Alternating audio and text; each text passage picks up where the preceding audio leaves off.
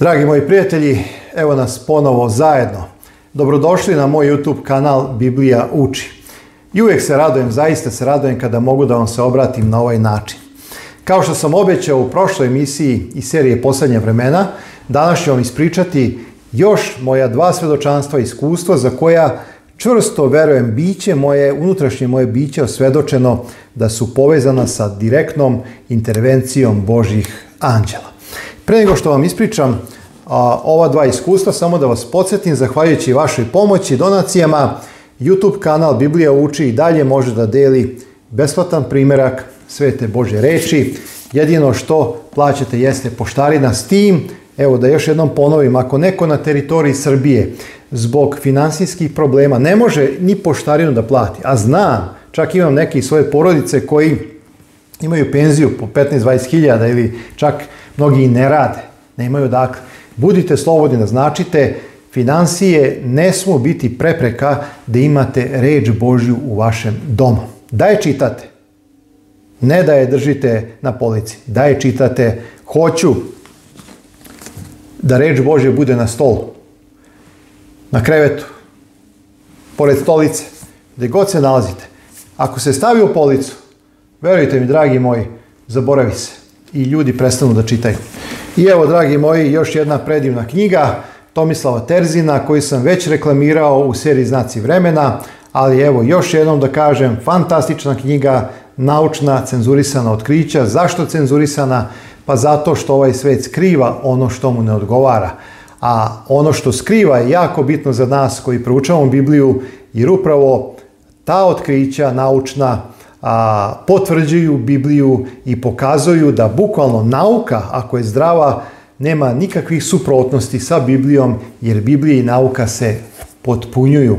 I ovo je fantastična knjiga, jeste naučna, a, ali je pisana jednim jednostavnim jezikom da može svako razumeti i knjiga koja se čita bukvalno u jednom, dva, dva daha. Knjiga koja će vas zaista nadahnuti i kada je ovako ostavite na sto, vi ćete reći Bože, zaista si velik. Knjiga je besplatna, jedino postoje ograničenje, jeste da sam uspeo otkupiti u ime YouTube kanala svega 20 primjeraka, tako da svi vi koji ste hitri i brzi, požurite dok je ima. Da li ću kasnije da je nabavim, ne znam, ali evo 20 primjeraka za vas koji se prvi javite. Ova predivna knjiga može biti vaša. Hajde ukratko samo da vam ispričam dva moje svjedočanstva iskustva za koje verujem da su povezana sa intervencijom anđela. 1997. godina zima je, petak je. U Bačku palanku je došla Maja, moja tadašnja devojka, i ona je bila smeštena u propovedničkoj porodici, tadašnji bračni par Milenko i Sana Tanuđić. Zašto ne kod mene? Ne zato što mi je kuća mala, nego zato što mi hrišćani jako čuvamo do morala i da ne bi bilo određene priče, pošto nismo bili venčani, ona je bila smeštena u domu propovedničkog para. Pošto sam ja osjetljiv, znate, ono u smislu da perem kosu pa da izlazim napolje, odlučio sam da to uradim dan pre toga i onda ću staviti kapu, doći u livnicu. U livnici ima dosta prašine, ali kad se vratim kući svakako ću se istuširati, ali kosu ne smijem prati. Zato sam uzeo neku veliku kapu, pokrio lice, Odradili smo naše radno vrijeme nešto ranije, međutim poslovođa, pošto je bilo pola 12, kaže sedite još malo, barem do jedan, jer vidim da ste svi završili, ali ne mogu da vas pustim da ne bi imao problema. Evo, grejte se malo, tu imate jednu furunu. Furuna je bila naložena koksom, to je jedna posebna vrsta uglja koja se, jedne rude koja se koristi za topljenje gvožđa čelika. I to je bila peć koja je bila prilagođena a, da bi se majstori grejali. Pošto smo onako sedeli i malo razgovarali, meni je pažnju privukao plafon, taj limeni krov, gdje su sa strane bili razbijeni prozori koje, nažalost, eto, niko nije godinama menjao i posmatrao sam kako vetar unosi sneg koji je polako padao i topio se. Nisam mnogo obraćao pažnju šta se tu dešava, kakve priče se odvijaju, ali su oni spremali nešto zlobno, nešto strašno za mene. E sada, pošto je ovo samo isečak od jednog mog šireg iskustva, kojeg ću postaviti na moj YouTube kanal, a kojeg sam ispričao na tadašnjem fakultetu još pre više, više godina, samo da kažem da su u Livnici bili zaista zlobni ljudi, ljudi koji kad su se šalili, šali su se zaista nasilno, ljudi koji su se odali alkoholu, ljudi koji su bili kavgađije, tukađije, zaista jedan, da kažem, mnogo nizak nivo svesti. Sa druge strane, tu sam ja koji pokušavam da im ukažem na Hrista, na spasenje, da im dajem Biblije, da im dajem knjige i pretpostavljate da sam vrlo brzo postao crna ovca u celoj ovoj priči koga su oni mrzeli. I sada zapazite šta se dešava. Oni polako ustaju. Tu je bila jedna klupa odaljena nekih 2-2,5 metra od ove peći, jer zaista ova peć je sijavala veliku temperaturu. Ovaj ugaj dostiže temperaturu kada izgore, izgoreva i do 2000 stepeni. Pošto je bio petak, kraj radnog vremena, razumeo sam da čovjek koji dolazi sa desne strane i koji nosi veliki kanister vode, ima želju da ugasi peć jer nema potrebe da peć gori subotu i nedelju, dani, to su dani kada se ne radi u livnici. Međutim, oni su imali neki plan i oni su se dogovorili da kada se on približi, kada se otvore ona vrata sa dugačkim žaračom, to je bila armatura jedno 12 mm, pošto niko ne sme da priđe toj peći, pošto je ogromna temperatura, ja, sam, ja sam smatrao da je samo pojenta da se ugasi peć, ali nisam znao šta će se desiti. Međutim, oni su i tekako znali jer su imali iskustvo. Ja sam bukvalno ovako sedeo kao što sada sedim ispred vas, ispred tih vrata koje treba da se otvore. Kada je on uzeo taj žarač, armaturu i otvorio vrata, ja sam se onako malo pomerio, jer to je strašno bilo. Kao kada otvorite kalup, u koga se pre pola sata izlilo, izlio tečan čelik i onda, iako je možda taj kalup mali, možda neka tanjirača ili mali blok motora, vi ne možete na 2,5 metra stojati i gledati jer to isijava. Prosto to, to je jako velika temperatura. I sada, odjednom su se svi pomerili, odjednom su se svi sklonili. A mene niko nije upozorio. Pa zašto? Pa zato što su želi da mi naude. A zašto su želi da mi naude? Pa zato što me je đavo mrzeo, jer sam njihove duše, njegove duše odvajao od njega i vodio ka Hristu. I onda je svakako đavo nadahnuo umove tih ljudi koji su već sami po sebi bili jako zli. I eto, napravili su taj žalostni plan, zaista bedan, žalostan. Ovaj čovjek je otvorio žaračem vrata, stao sa strane i onako u naletu, punu kofu od 20-30 litara vode, saso u tu peć. I šta mislite, šta se dogodilo? Ta voda u automatski se pretvorila u paru.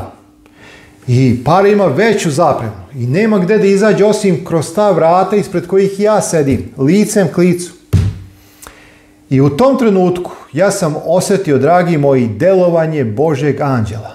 Jer ja to ne mogu svojom fizičkom snagom ni brzinom da uradim. Jer ta para je izašla kao metak.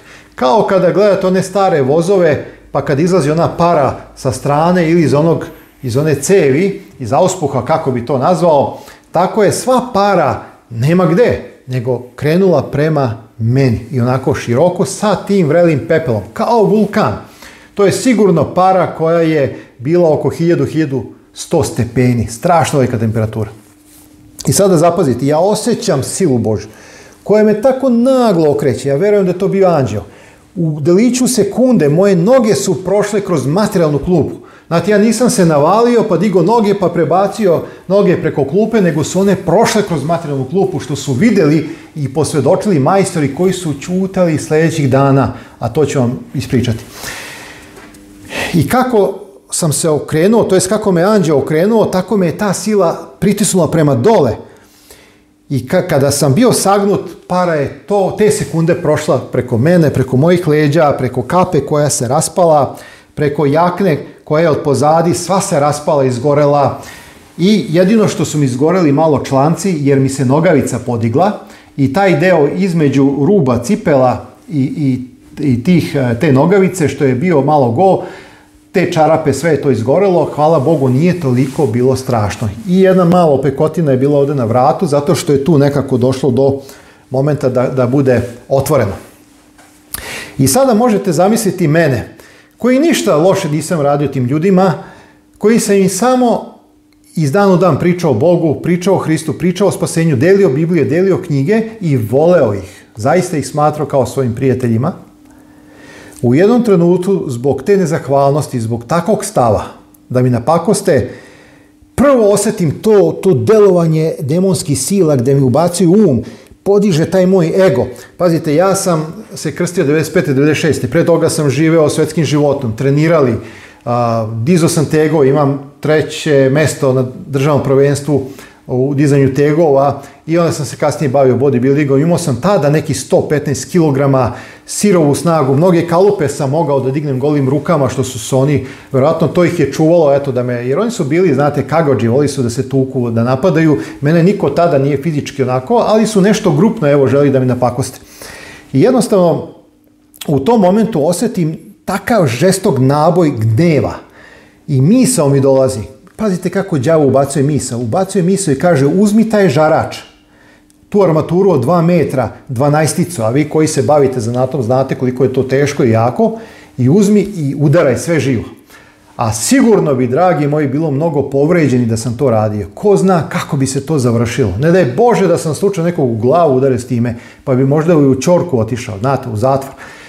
Ali onda u tom trenutku, pošto sam osjetio tu borbu, samo sam uspio da kažem u deliću sekunde Isuse pomozi mi. I tada sam osjetio neko olakšanje. I tada sam osjetio kako se moj um čisti.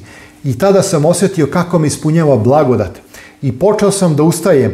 Više nisam znao šta je levo, šta je desno, jer, jer su mi oči bile pune te prašine i pepela koje me je sa one druge strane obuhvatio. I kad sam počeo da gledam, video sam da sa desne strane onako ukipljeno stoji čovjek koji je bacio kanistar, kanistar pun vode u peć i sa druge strane ljudi koji su čutali jer su shvatili da su preterali, jer su shvatili da sam mogao poginuti, da sam mogao biti slep, da, da me nije anđeo gospodnje okrenuo, moje oči bi iscurile od te toplote, moje lice bi nestalo, uši bi bile spržene. Znate, to je strašno. I ovaj, ja sam ustao onako, i krenuo sa rukom da ga uhvatim za rame. On je mislio sada da ću ja da ga napadnem. Ja sam ga stisnuo za taj rever i kažem, prijatelju moj, prijatelju moj, što mi činiš zlo kad ti ništa loše nisam uradio? I on je samo onako ispustio kanistar i kaže, ili mogu da idem? I tada smo čuli glas poslovođe koji nije znao šta se desilo. Kaže, ljudi, ajde, ajde, evo, vreme je, možete, možete, idete u slačionicu. Odlazim u slačionicu, tajac svi i ja ćutim. Preslačim se, prolazi subota, prolazi nedelju, ponek dolazi na posao i svi mi prilaze s nekim poštovanjem, e, zdravo Zoki, kako si provoj vikend, ali ti dobro, imaš neke posljedice, eto malo smo preterali, baš bez veze ispalo sve ono, ali ti si se držao dostojanstveno, mi ti se divimo, evo malo smo prepričavali tvoje geste, zaista si ti dobar čovjek, izvini što smo te vređali, izvini što smo ti majku psovali, izvini i tako dalje i tako dalje ja sam rekao, ljudi, nema problema, sve se dobro završilo, hajde da, da idemo na posao i da radimo. I još nekih mjesec, mjesec i po dana sam, sam radio.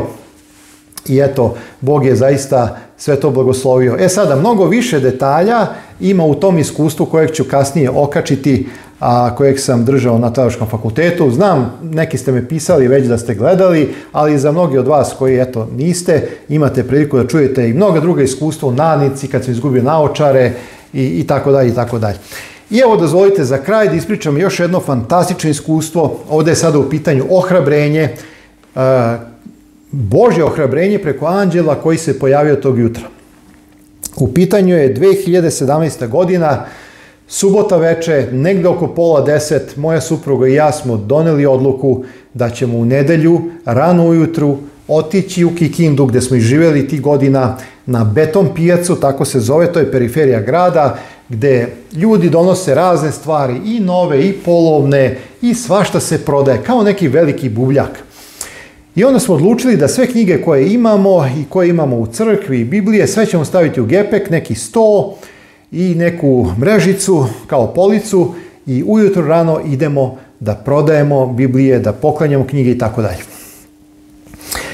Ujutro kada smo ustali, bilo je već 5 sati, napravili smo neke sendviće na brzinu i a, onda smo još jednom klekli i rekli gospode, evo mi idemo u ime tvoje, molimo te za ohrabrenje. Mi ovo radimo prvi put ovako javno na pijaci, pa eto, molimo te da nas ohrabriš i pokažeš da zaista nas ti vodiš i da je ovo tvoje volje sad smo kola, došli smo na beton pijacu i za divno čudo Božje, baš između e, levog i desnog e, čoveka, mislim pijačara koji su već bili zauzeli poziciju, ukazalo se prazno mesto. Ja sam parkirao, to je malo uspon, ako dođete kljunom auta na bend, a onda ispred je veliki put, široki put, gdje sa levi i desne strane ljudi iznose svoju robu. U vreme kada bude onako malo već neko odmaklo jutro, da nije rosa i da im roba ne propada, da ne, vlaži. ja pitam čovjeka sa leve strane, gospodine, ovdje je slobodno. Kaže, da, da, moj prijatelj koga ja znam javio mi je porukom da neće doći slobodno slobodno iskoristite ovaj put, ovo mesto. I ja sam onako radostan počeo da izvlačim jednu drugu stvar, stavio sam sto, počeo sam da ređem knjige koje su bile malo kvalitetnije, neke druge knjige sam stavio na mrežicu i u momentu kada sam se okrenuo da dođem do kola, da uzmem sljedeću gajbu, moja žena koja je još bila u kolima, bilo je hladno, kaže Zoki, okreni se, neki visoki čovjek stoji pored police sa knjigama, idi vidi. I onako spuštam gajbu, dolazim, kažem dobro jutro gospodine, malo je prohladno, evo vi ste poranili. I on me samo gleda. Samo me gleda. Ja kažem izvolite, šta mogu da učinim za vas? jel on se sviđa neki naslov. A u gornjoj zoni stavio sam tri knjige koje mnogo volim, to je velika borba čežnje vijekovi put Hristu. I on gleda tu veliku borbu i kaže, gospodine, koliko košta ova knjiga? Ja kažem, ova knjiga košta 100 dinara. On kaže, samo 100 dinara. Reko, da, ali imate još neku knjigu gratis. On pogleda, dobro. I gleda me ovako u oči i kaže, slušajte me dobro. Ova knjiga, i upirao je prst, onako skoro da je dotakao knjigu, kaže, je najveće i najvrednije blago na cijeloj ovoj pijaci. I spusti ruku. I gleda me u oči. Ja kažem, pa dobro, slažem se, znam, ova knjiga zaista ima veliku vrednost i mnogo je volim. I on kaže, dajte mi je. I ja mu dam, on je stavio ovako ispod pazuha, imao je neki lep mantil, lepo je bio obučen i zaista visokog rasta i, i nežnog lica. Sasvim jedan normalan ljudski glas i on mi da 100 dinara, srećan se, bila je nova novčanica, kao da je sad izašli štampe i okrenuo se i kaže samo napred radite dobru stvar. I okrenuo se i otišao. Ja sam onako radostan, dotrču do, do kola i kaže Majo, evo, Bog nas je ohrabrio, evo vidi, zaradili smo prvi 100 dinara i još smo čovjeku poklonili jednu predivnu knjigu. A ona kaže, pa gdje je taj čovjek? Ja se okrenem. A pazite, to je u roku 2-3 sekunde, ja dolazim, pričam, ona kaže gdje je taj čovjek, ja se okrenem Nigde nikoga nema. Nigde nikoga nema. Jer kikinđani tek oko 9, pola 10 počinje dolazi na pijacu, tek oko 8 ljudi izlazi iz svojih kola koji su pijačari da iznesu svoju robu, znači ima se dovoljno vremena, mi smo rano došli i prosto nije bilo nikoga, nikoga. Da vam budem iskren, ja sam s jedne strane u dubini svoje duše znao da je ovo odgovor na molitvu i da je Bog poslao svog anđela i to mi je supruga rekla, Zoki, je se sećaš molitve? Bog je poslao anđela da nas ohrabri. Ja sam rekao, Majo, jest, jest. A onda ono ljudsko, jadno, bedno, i evo sramota me što to pričam. Tako kad je bilo pola deset, deset, ja kažem moje supruzi, ajde malo, ovaj, malo pripazi, tu idem ja da prošetam malo, da ne stojim u mestu, bolu me noge. A u stvari šta sam hteo? Hteo sam da odem da vidim gdje je taj čovjek. Znate, ja sam mislio da je on tu negde smešten, da on tu negde prodaje robu i da je on tu negde blizu. Zašto? Zato što je brzo nestao. Pa sam razmišljao, možda je otišao negde u auto, odakle je izašao, pa je lego da spava, da odmara. Možda je on nešto. Međutim, onda sam posle opet došao k sebi i kažem, pa Zorane, zašto sumnjaš? Zašto sumnjaš? Jer si se molio, jesi. Jer Bog uslišio molitvu, jest. Jer ti ujutro rano, pazite, mi smo u pet krenuli, to je 15 minuta smo bili u 5.15 na pijaci, u pola šest, znači najviše 20 do 6, dragi moji, to bilo. Pa nema nikoga, nema nikoga. Čovjek se pojavio nijotkuda. Ja kažem, ej, kako posumnja maloverni, pa sad si se molio, sad si bio svedočen i opet sumnješ da nije neki običan čovjek. I onda sam došao u kući i još jedan onako, ovaj, analizirao celu situaciju i kleknem sećam se pred mog troseda i kažem gospode, prvo mi oprosti za sumnju, a još jednom ti hvala što si me ohrabrio i sećam se, dogod sam bio u Kikindi, svake nedelje kad je to vreme dozvoljavalo, izlazili smo i zaista mnogo knjiga, mnogo Biblija, mnogo, mnogo, sećam se jedne mlade devojke, dragi moji, iz Mokrina, to je desetak kilometra od Kikinde. Kleknula je, ne zašto se molio, nego kleknula je da, da, da se sagne, jer tu sam imao neke gajbe sa polovim knjigama i nove knjige i kaže Maja, kaže vidi onu devojku, kaže vidi uzela je puno knjiga. Ja dolazim do nje i kažem, dobro jutro, kako ste? Rekao, zaista vi imate velika petit za čitanje. Rekao, vi ćete sve te knjige pročitati. A ona spušta iz tog svog naramka knjige koje je izabrala, koje ćemo posle regulisati, spušta na beton i onako me gleda i kaže, gospodine, kada neko voli Isusa Hrista, Zar je problem toliko knjiga da pročita o Isusu? Rekao, ne, tamo posle, ja volim da čitam. Ali jednostavno me me iznenadilo što ste uzeli baš jedan veliki broj. A još jedna stvar, za svaku knjigu dobijate još jednu gratis, ne znam kako ćete nositi.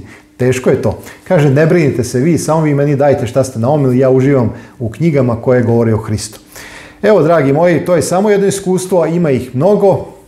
Evo, možda još jedno, ajde, da, da, da kad mi dolazi um, možda je Bože volja da mi ispričam, bilo je negdje 11 sati, sunce ugrijalo i ništa nije se tako, niti se delilo besplatno, niti da je neko želo besplatno, niti da se knjiga proda. I ja kažem moje supruzi, ajde polako da pakujemo, idemo kući nedelje, idemo malo da šetamo, da vozimo bicikl, idemo malo da, da se onako odmorimo. I baš u tom trenutku dolazi čovjek koji gura kolica, znači dete u kolicima i supruga. I on dolazi i gleda taj moj stol gdje su zaista vrlo vredne knjige i kaže koliko koštaju sve ove knjige na stolu. ja kažem prijatelju, pa gdje si došao sada ovako ovaj topao dan ovaj, da me i ti rekao ovaj, provociraš u smislu da se šališ sa mnom. Niko nije uzeo jednu knjigu i ti ćeš sad sve knjige da pa ko da ćeš ti? A ne kaže, pa neću ja da čitam. Pa rekao, onda ne mogu, ne znam šta hoćete. Ja sam se uplašio, rekao da neće možda da spali, da baci, da Rekao, a šta ćete vi, sa ti knjigama?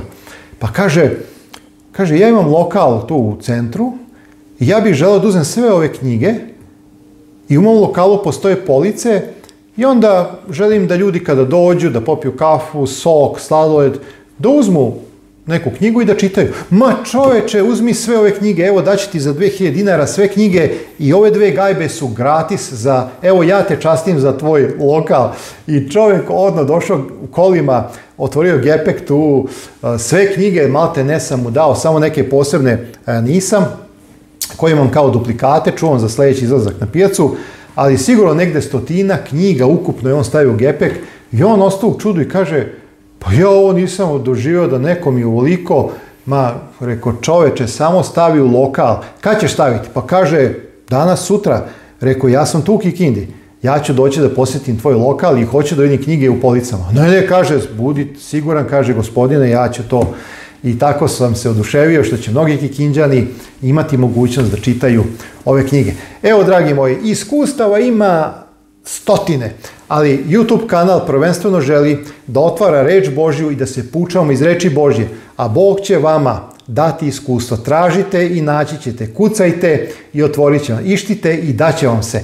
To su reči našeg blagodatnog Boga koje, koji nikada neće presušiti u svojoj i blagodati prema nama grešnim ljudima.